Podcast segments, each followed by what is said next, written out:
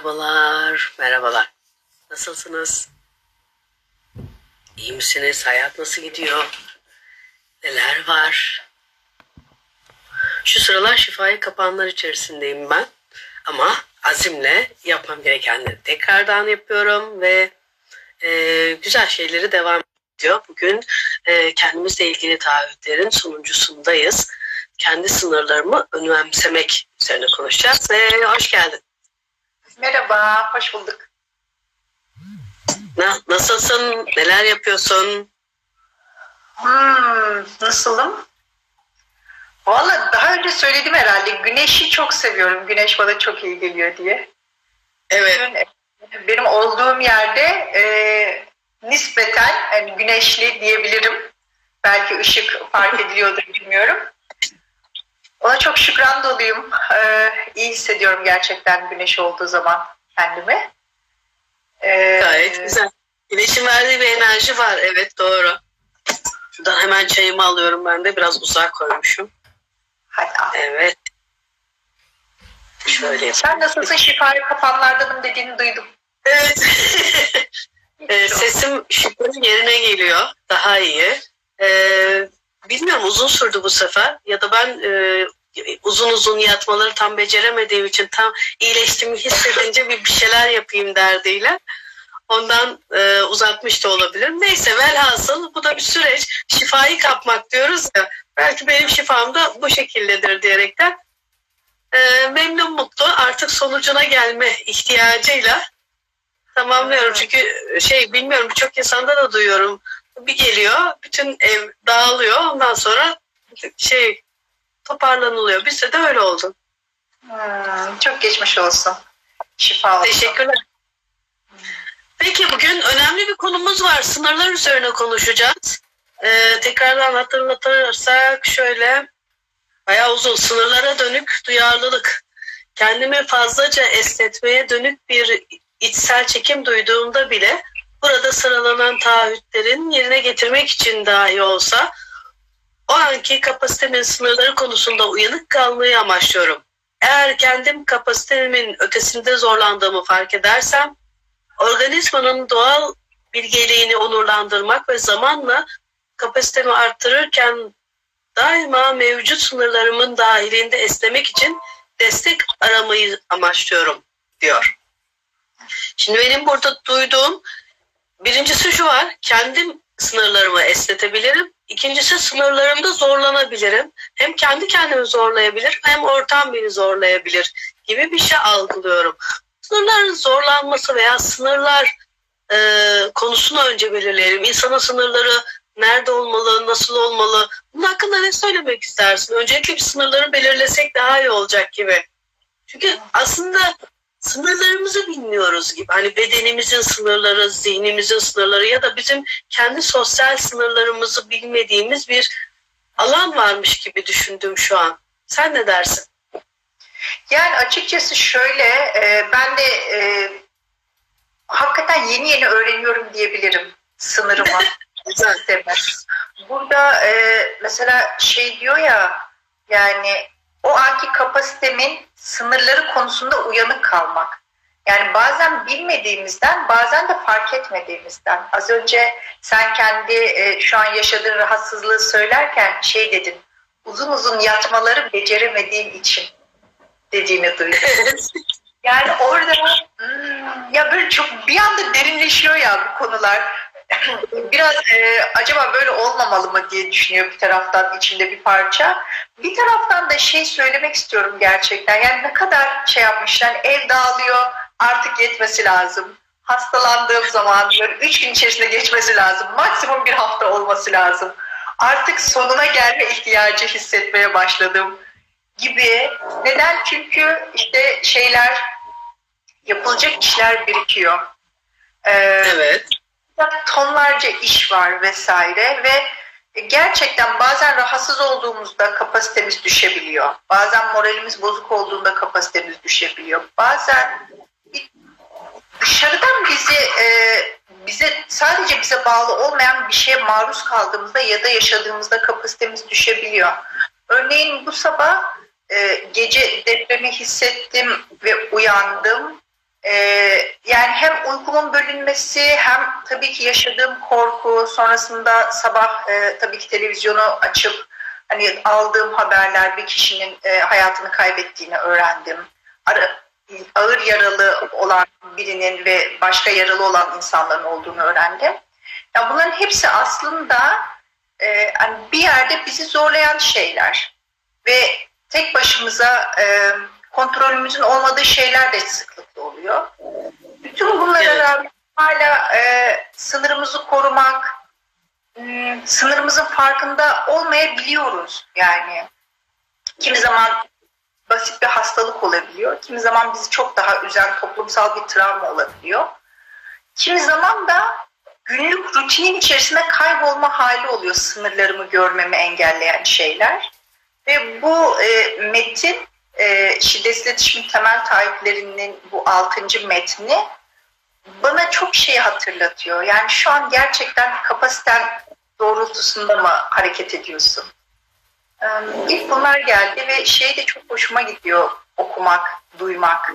Organizmamın doğal bilgeliğini onurlandırmak. Yani bedenim bazen dişi çekmek isteyebiliyor. Bazen evet. Yani zihnime yetmiyor üç gün yatmak ama bedenim isteyebiliyor bazen. Yani oralara karşı yani hemen teslim olmak gibi bir yer değil ama uyanık olmak. Hani bu kelimeyi de çok seviyorum. Uyanık olmak. Yani şu an gerçekten bedenim dinlenmek istiyor olabilir mi diye bir bakabilmeyi hep cebimde tutmak istiyorum. Şimdi bunları seviyorum. Gerçekten güzel bir nokta orası. Yani bedeninin farkında olmak, bedenin ihtiyacını bilmek ve e, şu an durum bu ve bunun ihtiyacını karşılayacak tek kişi benim. Dolayısıyla bedenimin neye ihtiyacı olacağını bilen kişi ben olmalıyım ama öyle bir şey ki o kadar çok düşünüyoruz, o kadar çok e, zihnimizde yaşıyoruz ki bedenimizin ihtiyaçlarını veya bedenimizin sınırlarını çok fazla bilmiyoruz. Mesela bu konuda ben kendimden bayağı şu an düşününce çok şey yaptığımı fark ettim. Mesela dışarı çıktığım zaman veya e, farklı bir yerde olduğum zaman keşfetle veya merakla orada çok fazla yoğun dolaştığımı, bedenimin yorulduğunu bile fark etmeden son ana kadar enerjimi kullandığımı fark ettim. Yani sınırlarımı aslında otur zamanlarda çok e, zorladığımı fark ettim. E, istediğim şeyi elde etmek. Hani zihnimde ben bunları bunları yapmalıyım diye bir kıstas belirliyorum. Ve o kıstası yerine getirmek için e, aslında bedenimi çok fazla zorluyorum. Belki de gerek yok veya o kadarına gerek yok ama hani kafamda da bunu yapmalıyım fikri var. İşte kendi içimde bile kendimle çeliştiğim zamanlar olduğunu keşfettim şu an seninle konuşurken. İşte burada bile işte şu an neye ihtiyacım var? Ee, evet bunu yapmak istiyorum ama bunun getirileriyle götürüleri ne olacak? Ben bunu gerçekten ihtiyaç duyuyor muyum? Veya buradaki sınırım ne diye sorabilmek bu uyanıklığı yaşayabilmek o kadar kolay gelmedi şu an bana. Mesela sen söylerken düşününce yok ben bunları hiç düşünmüyorum gibi bir yerde durduğumu fark ettim. Sen ne dersin bu konuda? Aslında şöyle yani ben mesela bu taahhütleri tam senin söylediğin yerden e, okuyorum e, tekrar tekrar. Çünkü hiç fark etmediğim şeyleri ah diye böyle hani böyle bir sorgulama haline getiriyor beni. Aa ben acaba sınırlarımı hani şöyle yaptığım zaman yani sınırlarıma karşı uyanık oluyor mu yoksa hiç mi olmuyorum acaba diye beni tekrar kendi içime döndürüyor. Kendi davranışlarıma, yaptığım seçimlere bakmama vesile oluyor. O yüzden çok seviyorum. Bir de e, sık sık böyle bahsediyorum Gabor Mate'nin Vücudunuz Hayır Diyorsa kitabından. Evet. E, bugün de getirdim bu konuyu çalışırken böyle birkaç kaynak e, olsun istedim. Oralardan alıntı yapmak istedim. Böyle e, şey de bir danışanıyla konuşurken e, Gabor Mate e, diyor ki şimdi ben diyor 500 kiloluk diyor bir e, taş olsa bir kütle olsa ve bunu e, deseler ki ya sen bunu kaldıramazsın deseler şey derim ya evet kaldıramam derim. Yani evet olur. Kaldıramam. Yani onu kaldırmalıyım diye uğraşmam diyor yani. Hani sen ne dersin? Evet aslında doğru ama bu mesela e, bu fiziksel örnekten baktığımızda yani zamanımızı mesela planladığımız düşüneyim. bir anne olarak diyeyim kendi yaşantımdan bir örnek vermek istiyorum. İşte e, sabah kahvaltı hazırlamakla başlayan, işte belki bir post içerik hazırlamakla başlayan, çocuğu okula bırakmakla başlayan, sonrasında basketbolu götürmesiyle devam eden akşama kadar, İngilizce dersiyle devam eden, evin temizliğinin de dahil olduğu, e, işte yemek yapmanın, hazırlamanın da dahil olduğu, aynı zamanda spora, pilatese, yürüyüşe de vakit ayırmam gerektiği düşüncelerinin de dahil olduğu şeylerin her birine böyle alt alta yazsak ve e, şey yapsak, yani sürelerini tutsak ya bir bakacağız ki yani nasıl top sürekli bir koşturma halinde olduğumuzu görüyorum ben kendi evet, hayatımda. Doğru. Biz, e, şimdi ben endüstri mühendisiyim. İlk çalıştığım yer bir tekstil fabrikasıydı. Orada şeyler yapılırdı. Ee, operasyon diyoruz işte diyelim ki kol dikme operasyonu diyeyim. Bu kol dikme operasyonunun 20 defa 20 farklı kişiden şey alınırdı süresi. İşte kaç dakikada dikilebilir? 3 dakika mı çıkıyor? Onun üzerine her zaman tolerans dediğimiz %25'lik, bazen %30'luk, bazen %50'lik fazladan süre koyulurdu işte. 3 dakikaysa bunun %50'sine 1,5 dakika, o süreyi yapma süresi standart e, süre derdik biz ona T, time'ın T'si dört buçuk dakika olarak işlenirdi. Ve buna göre yapılırdı bütün zaman hesaplamaları, zaman etütleri, maliyet hesaplamaları. Neden? Çünkü senin o üç dakika yaptığın şey tam kapasitede çalışabildiğin an ama hayat öyle değil. Hayat tam kapasiteyle çalışmamıza izin vermiyor. Çünkü makine bozuluyor, iğne kırılıyor, bazen hastalanıyoruz, bazen yağ damlıyor, bazen kumaş geç geliyor, bazen iplik kopabiliyor. Aynısı Doğru. hayatımda böyle. Ben bütün günümü işte sabah uyanacağım, temizlik yapacağım, duş yapacağım, kahvaltı hazırlayacağım, çocuğumun beslenmesini hazırlayacağım. Aynı zamanda akşamı yemeği için alışveriş yapacağım. Sonrasında işte e, çocuğu okula bıraktım, e, aldıktan sonra onu basketbola götüreceğim, yüzmeye götüreceğim. Bunun yanı sıra işte kitapta okuyacağım. Aynı zamanda pilates de yapacağım dediğimde bunu yapamadım görüyorum bir süre sonra ve sonra tamamen off olduğumu. Yani bunları yaparken işte o hani kapasiteme duyarlılık geliştirmek istiyorum ben. Yani gerçekten yapabiliyor muyum? Keyifle akıyor mu? Yoksa offlaya poflaya mı yapıyorum? Hani pek çok şeyi çok fazlaca doldurduğumu görüyorum. Biraz böyle şey anlattım. Böyle farklı farklı yerlerden örnekler verdim ama biraz karışık anlattığım gibi düşündüm şimdi. Nasıl ulaştım merak ettim. toparlayalım. Şöyle bir şey. Yani gün içinde zihnimizde yapmak istediğimizle yapabildiğimiz şeyler birbirinden farklı. Görevlerimiz var. O görevleri yapmak istiyoruz. Bir de kendimiz için yapmak istediğimiz şeyler var. Hepsine alan bulmak istiyoruz ama gün 24 saat ve hepsi gerçekleşmeyebiliyor. O gerçekleşmeme hali de bizi sıkan bir şey. Ve e, o zaman kendi kendimize kızmaya da başladığımız bir yer olduğunu duyuyorum. Niye bunu yapamadım? İşte yürüyecektim, niye yürüyemedim? Bu işte kendim için yapacağım bir şeydi, onu niye yapmadım?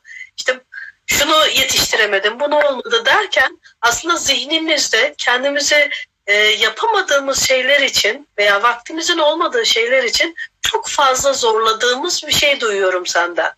Evet dur günlük rutinler var. Bunlar birçok zaman yapılabilir. Bazen 5 dakikada yaptığın şeyi dediğin gibi 15 dakikada bazen de hiç yapamayabilirsin. Yani bugünün yemeğini es geçersin. Misafir gelir ve bakarsın evde uygun bir şey yok. Yapamazsın. Ve o onun sıkıntısını taşımak yerine hani esnek olmak belki de burada. Yani şu anda ne oluyor? Ve ben nasıl keyif alırıma odaklanmak, o uyanık olma hali dediğimiz şey bu mu? Onu merak ettim ben. Çünkü hepimiz bu sıkışmaları yaşıyoruz. Hani gün 24 saat 10 e, kişiye sorsak eminim 8 tanesi bana yetmiyor der. Hani süreç içerisinde baktığında kendi için zaman ayırmak istiyorsa, her şeyi dört dörtlük yapmak istiyorsa hani şu mükemmel ebeveyn olmak, helikopter şey yapmak falan. Hani herkesin hayalinde yapmak istediği şeyler var. Ee, ama bir de gerçekte yapabildiği şeyler var. Ve bunu asıl bu ikisini dengelemek. Hani birini yukarı koyup ben buraya yetişeceğim diye sürekli koşuşturma halini bırakıp ya bugün de böyle oluyor. Oh çok şükür diyebildiğimiz bir yer. Bazen de ama bugün de bunları yapacağım, bunu yapacağım diyebildiğimiz bir yer diye algılıyorum. Sen nasıl düşünüyorsun? Doğru toparladın mı? Onu sorayım. Yani doğrusu yanlışı yok. Yani sen e, söylüyorsun hep konuştukça daha çok fark ediyoruz. Konuştukça anlıyoruz. Konuştukça öğreniyoruz diye. Yani gerçekten mesela az önce hani elini şöyle yaptığını gördüm. Hani şuraya çıkmak istediğimi falan. Evet. İşte bu mesela bana şeyi hatırlatıyor. Birçok e, kez şunu duydum. E, kendinden beklentin ne? Bazen beklentimizi kendimizden beklenti yani o kadar yukarı bir yerlere koyuyoruz ki farkında olmadan. İşte e, hasta olsam bile çocuğuma her an bakmak ya da hiç bilmediğim konularda çocuğuma rehberlik etmek konusunda. Yani bu sadece fiziksel olan şeylerde değil, sadece zamana bağlı olan şeylerde değil, bazen anlayış noktasında da öyle. Diyelim ki yani için yanıp kavruluyor yani. Hani artık tam şuramdayım dediğin yerdesin.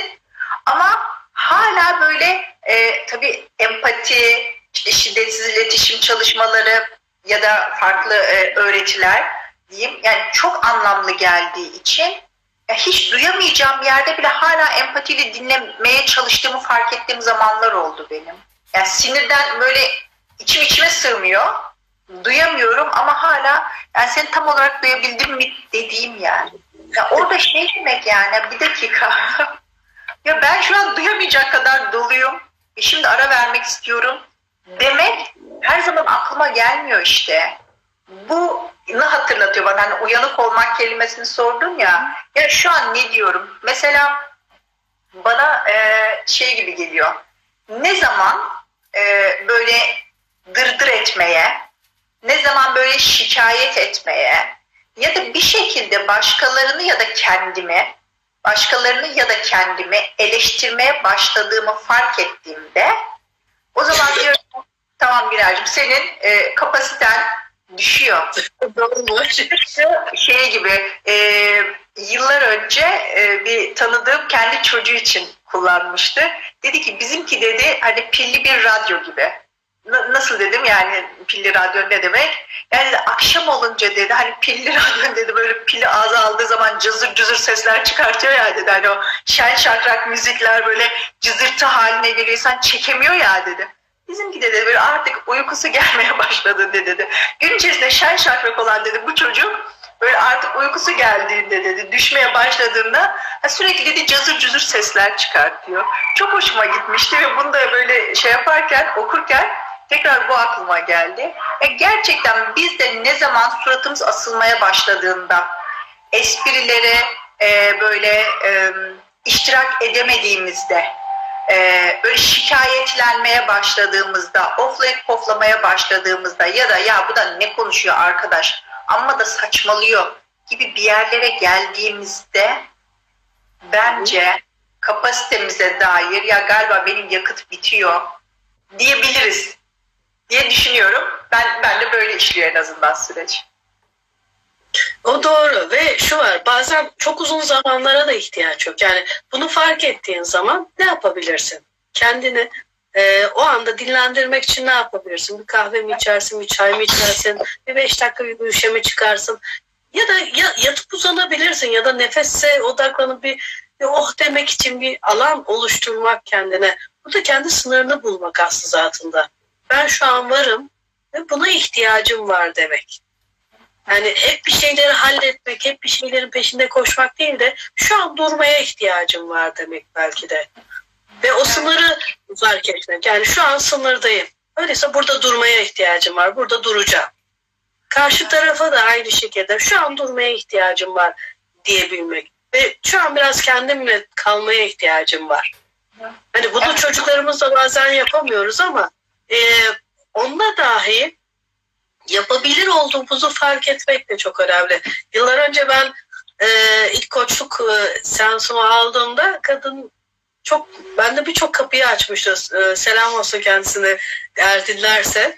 Banu Evren bende çok e, tatlı şeylere vesile oldu. O zaman dedi ki Reşat Hanım dedi sizinle dedi görüşmelerimizi nasıl ayarlayalım? Haftada bir görüşsek olur mu? Ben durdum. Yo dedi ben haftada bir hiçbir yere çıkamam. Ancak ayda bir çıkabilirim. O dedi ki neden öyle düşünüyorsunuz? Dedim benim çocuklarım var, sorumluluklarım var, şunlar var, bunlar var. Sadece dedim, ayda bir kendime izin verebilirim. Bu da güldü. Gerçekten öyle mi dedi? Öyle dedim ama kaldı bende o. Ben niye ayda bir gün kendime tatil veriyorum? Yani normal çalışanın bile haftada bir gün tatili var. Benim niye yok? Ya da ben niye kendime buna izin vermiyorum? Buna izin vermeyen kişi kendimim çünkü. Ben ha. ya o izni kendime vermiyorum. Onu fark etmeme vesile olmuştu. Şimdi sen söylerken o aklıma geldi. Yani bazen kendi kendimize de o izni vermiyoruz. Yani o, o sınırı koymuyoruz. Evet benim buna ihtiyacım var. Ben bunu yapacağım. Ha, bir saat dışarı çıkacağım ya da yarım saat şöyle bir hava almaya ihtiyacım var. Her ne oluyorsa yapılabilir olanı yapmak. Mesela son haftalarda kendime en çok sorduğum soru bu. Yapabilir olduğum halde yapmadığım ne var? Yani çok basit bir şey. Yani dışarı çıkmak, kendime bir şey almak ya da olduğum yerde durup kendimce belli kitap okumak, özet çıkarmak ya da yapmak istediğim bir şeyi yapmak. Her şey olabilir bu. Yapabilir olduğum halde yapmadığım ne var? Mesela o an aklıma şey geldi. Şu martılar var ya her yerde. Hiç martıya binmediğimi fark ettim. Niye dedim deneyebilirsin. Gittim hemen bir tane bir o çocuksu keyfi aldığımı ve çok da keyifli olduğunu fark ettim ve niye dedim hani bir insanın etrafında bir sürü dondurma olup hiç yo benim boğazlarımı bir kere ağrıtmıştı bir daha yemeyeceğim bir karar veriyor mesela bir daha dondurma yemiyor hayatı boyunca. Neden? Yapabilir olduğu halde kendine izin vermeden kim bilir neler var. E sınırlarını hep azaltmak, başkalarına açmak yerine kendi sınırlarını da bir yerde kor, koru, korumak önemli bir şey gibi düşündüm evet. ben. Sen ne dersin bu konuda? Evet evet bu Mart örneği hoşuma gitti. Yani çevremizde aslında bizi şarj eden değil mi? Hani o çocuksu keyif dediğini duydum. Evet. Yani e, böyle oyuncu biraz, biraz böyle hani keşifci, tarafımızı besleyen birçok şey de var aslında. E, hani oralara e, ne bileyim almak diyeyim. Yani or oraları almak da çok şey geliyor bana, çok anlamlı geliyor. Ee, bir taraftan da mesela şöyle bir örnek de geldi. Bu sınırlarımı hani kendimi fazlaca esnetmeye dönük bir içsel çekim duyduğum yerlerden bir tane örnek daha vermek istedim. Mesela bu eğitimlere katılınca e, o kadar hoşuma gitti ki o ortamlar. Hı hı. E, bütün eğitimlere katılmak istedim. Ve şeyi fark edemedim. Aslında bunun beni ne kadar yorduğunu ilk yıllarda, işte ben Çekmeköy'deyim. E, Beşiktaş'a gittiğimi hatırlıyorum. Şöyle gitmiştim mesela işte Cuma buradan çıkıyorum e, mesai saati sonrasında e, gidiyorum. Gece geri geliyorum 12'de. Sonra cumartesi sabah e, 7'de çıkıyorum. Akşam 6'da geliyorum. Sonra pazar tekrar gidiyorum. Tekrar geliyorum. Ve şey fark ettim. Bir sene sonra bir de böyle yıllık eğitimdi. Bir sene sonra kendimi fark ettim yani. Hani cuma, cumartesi, pazar. Aynı zamanda tabii burada hani full time annelik ve ev ve vesaire. İşte bazen şöyle oluyor. Yani tadına da doyamadığımız şeyler oluyor ya. Bu eğitimler mesela benim için öyle. Ve bazen gerçekten kendimi fazlaca esnetmeye yönelik o içsel çekimi kapılabiliyorum o içsel çekim içerisine. Ee, o zaman da sınırlarımı fark edemeyebiliyorum. Bir süre sonra, bir süre sonra o içsel çekimi fark ettiğimden sonra e, şey demeye başladım. Ya bu eğitimleri çok seviyorum, çok keyif alıyorum. Aynı zamanda yani totalde yani zorlandığım yerleri görmek de istiyorum. Bütünlük ihtiyacım karşılanmamış oluyor mesela o zaman hayatım hani alt üst oluyor yani. Ve o zaman mesela o eğitimlere biraz ara vermeye ya da azaltmaya başladım. Bu da başka bir örnekti benim için. Yani hani o içsel çekimlere gerçekten kapılabiliyoruz. Hani melimaları az önce sen dedin ya hani ben koyuyorum, ben izin vermiyorum. Sadece bir ay izin veriyorum, ayda bir çıkmaya izin veriyorum gibi. Yani o içsel çekimleri fark etmek çok anlamlı geliyor bana yorulduğumuzu Çok fark etme. Yorlandığımızı fark etme. Evet, öyle. Sınırlar o konuda çok e, kıymetli. Hani sınır koymak fikri bile hani bir şeylere sınır koymak. Sınırları sevmiyoruz. Yani düşünce yapımızda bir sınırın olma şeyini sevmiyoruz ama farkında olmadan birçok şeyde sınır koyduğumuz şeyin çok fazla olduğunu keşfediyorsun. Hani evet, düşündükçe evet. ben mesela şu an seninle konuşurken aklıma geliyor. Sınırları sevmiyorum ama çok fazla sınırım olduğunu görüyorum. Mesela hoşnut olmadığım veya bana hissettirmeyen birini gördüğüm zaman farkında olmadan duvarlar koyabildiğimi biliyorum. Evet. Aynı şekilde başkalarından da yakın olmak istediğim bazı insanların bana aniden buz gibi davranarak bir sınır koyduğundaki o halimi de biliyorum. Hani sınırları koymak veya sınırları korumak kolay bir şey değil gibi.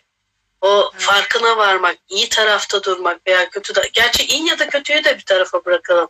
Kendi adımıza koyduğumuz sınırların e, esnekliğini yaparken, o kendi dünyamızı kurgularken insanlarla birlikteyiz.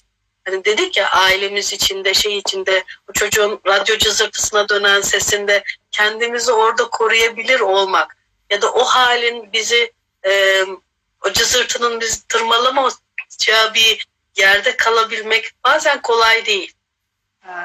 Yani o alanı da kendimize açmak, e, farkına varmak için uyanık olmayı, sürekli uyanık olmayı denemek. Yani aslında şiarımız bu hani farkında olmak, uyanık olmak, bir şeyleri e, ne olduğunu sürekli sorgulamak hali. Bazen bu bile çok yorucu olabiliyor. Evet. Yani istemiyorsun. Evet. Sadece öyle. Bırakmak istiyorum, her şeyi bırakmak istiyorum dediğim bir yer oluyor. Buna da açık olmak aslında lazım. Evet bazen böyle olabilir. Bazen her şey sana fazla gelebilir ve bu bir süreçtir. Ama çok fazla kalmadan burada dinlenip sonra yola devam etmek. Evet. Çünkü özür dilerim. Şunu da ifade etmek istiyorum. Hani sınırlarımızı bilmek ve bu sınırları korumak önemli. Ama bu sınırları aşırı derecede kalınlaştırıp bunun içinde kalmak ve kendini küçültmek de riskli bir süreç. Çünkü bu depresyona, kaygıya giden bir dönem. Bunda da uyanık olmak lazım. Burayı, bu kapının da hep açık olması, açık bıraktığımızı fark etmemiz önemli gibi geldi. Ben de burada kaldım şu anda. Bu ya hassas geldi. E, evet yani gerçekten buralar hassas yerler. Bu e, çünkü şu da olabiliyor yani. Hani egomuza teslim mi oluyoruz acaba? Çabuk mu pes ediyoruz acaba? Yani kapasitemi zorlamayacağım derken aslında var olan kapasitemi yeterince kullanmıyor muyum acaba? Yani işin böyle bir boyutu da var. Yani işin evet, iki boyutu var. yani kapasiteyi zorlamamak ama eğer e, üstesinden gelebileceğim bir zorluksa orada da geri durmamak. Yani kapasitemin altında düşmek de istemiyorum hakikaten. Evet. Hayattan geri çekilmek de istemiyorum. Dediğin senin dediğin gibi kendimi küçültmek de istemiyorum. İşte bunu yaparken de hani seninle yaptığımız yayınlara başladığımızdan bu yana hatta daha öncesinde bu fikir konuştuğumuzdan ilk zamanlardan bu yana hep şey diyoruz ya bütün bu ihtiyaçlarımızı tek başımıza taşıyamıyoruz. Taşımak zorunda da değiliz. Bu yüzden zaten tahmin ediyorum bunun için destek aramayı amaçlıyorum. Bir başkası, bir başka can, bir başka göz, bir başka kulak baksın, yanımda olsun, eşlik etsin istiyorum, istiyoruz. Böyle anlıyorum yani bu destek aramayı amaçlıyorum ifadesine. Evet buralarda işte kendi içimizde kaldığımızda o sınırları koyma veya sınırların ötesine gitmede bir başkası seni görüyor. Mesela o konuda eşim veya çocuklarım benim anne gene ayarlarım bozuldu her şeyi keşfedemezsin bir oturalım bir bekle işte bak vakit doldu yarın gideriz yani yarın yaparız başka zaman da var diye hatırlatmalarına ihtiyaç duyuyorum.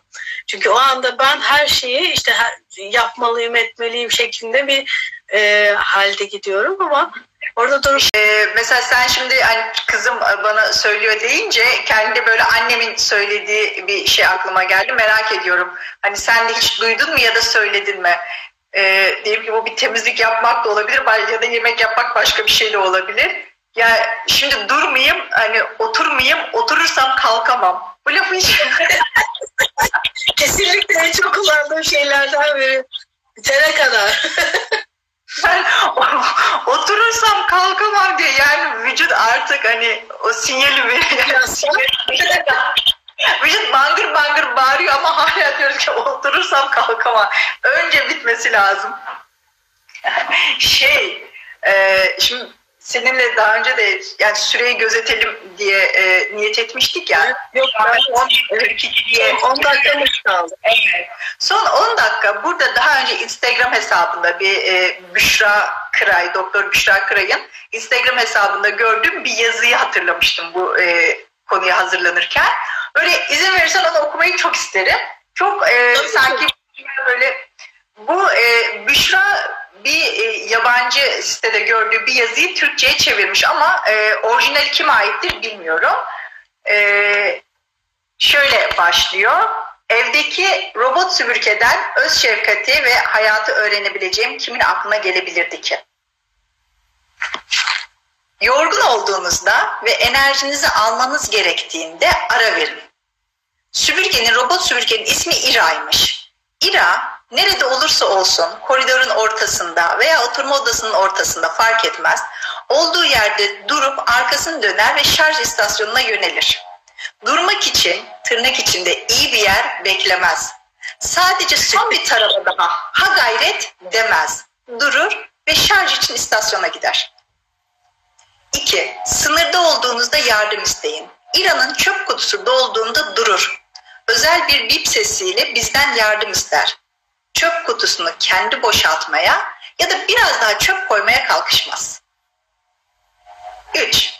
A noktasından B noktasına varmanın birden fazla yolu var. O halde kendin ol ve kendi yönteminle yap. Bir görevi başarmanın en iyi yolunun sistematik olmak, bir taslak oluşturmak, baştan başlamak ve sona gitmek olduğu size öğretilmiş olabilir. Bu bazı görevlerde işe yarayabilir. Bazen. İra bu teoriyi pencereden dışarı atıyor. Bir görevi başarmanın tek yolu olmadığını gösteriyor. Her yeri dolaşıyor. Bir müddet ofiste, bir müddet yatak odasında ve sonra mutfağın bir kısmını yapmak için geri geliyor ama sonunda her şeyi hallediyor. 4. Yavaşlayın. Bir ömrümüz var ve her zaman yapılacak daha fazla görev var. İran'ın evi süpürmesi 8 saat sürüyor. Ama inanın ev o kadar büyük değil. İra 3,5 saatte bitiriyor ve o sürede 4,5 saat dinleniyor. Güzel bir oran değil mi? 5. İlk seferinde bir şeyi kaçırırsanız endişelenmeyin. Mükemmel olmaya gerek yok. Geri dönüp kaçırdığınız şeyi telafi etmek için bir şans daha vardır. İra bir odadan ilk, ilk kez geçtiğinde bazı noktaları kaçırıyor, sonra geri gelip topluyor. 6. Sıkıştığınızda yardım çağırın. İra sıkışıp kaldığında bunu kendi başına çözmek için saatlerce uğraşıyor mu? Sıkışıp kaldığı için kendini acımasızca dövüyor mu? Sıkışacak hale gelmemek için yapması gereken her şeyi düşünüyor mu? Hayır. Uzanıp bir yardım metrik bir yardım metni gönderiyor. Yardım edin. Sağ tekerleğim sıkıştı. Bir devamı daha var. Onu bulmak istedim.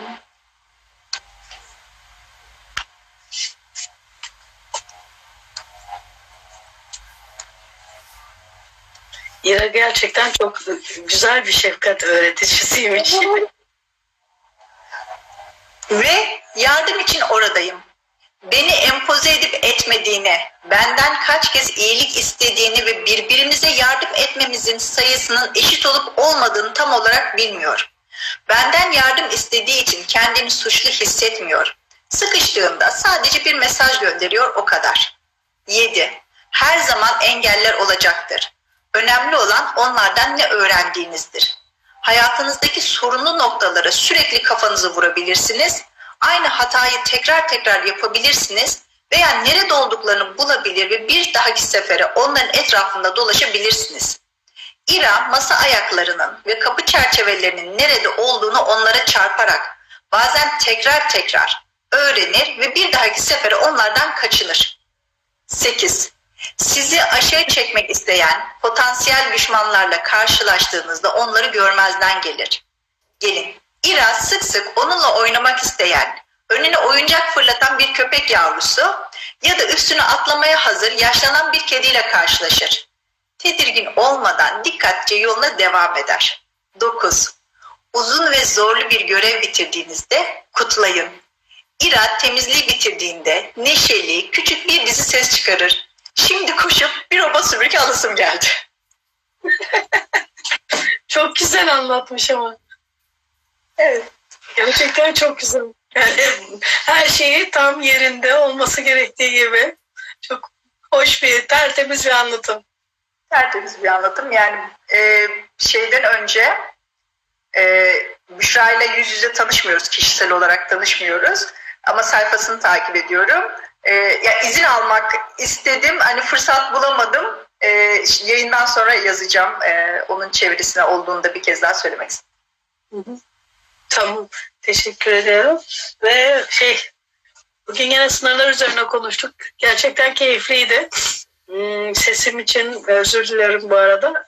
Ama gene de e, yapmaya devam etmek için keyifli. E, önümüzdeki iki hafta sonra başkalarının yöneldiği, başkalarına yöneldiğimde kısmına geçiyoruz. Hepimiz İRA'yız bundan sonra. evet, hepimiz İRA olma yolunda ilerleyelim bence. Bu kadar.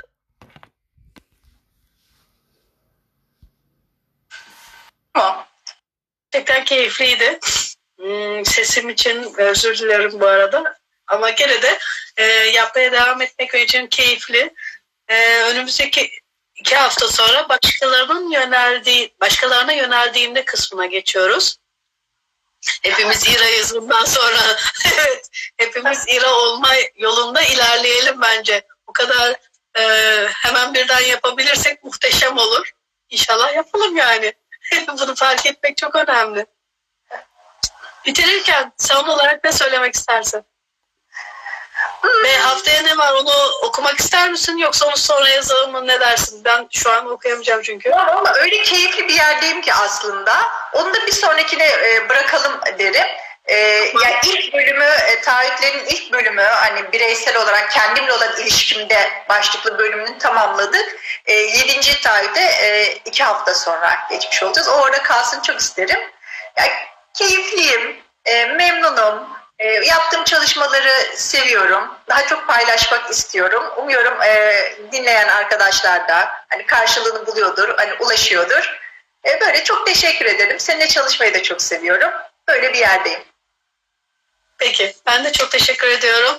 E, güzel bir konuydu. Sınırlarımızı İran'ın etkinliğiyle harika bir çerçeveyle tamamladım. Çok e, Büşra'ya da teşekkür ediyorum gıyabında.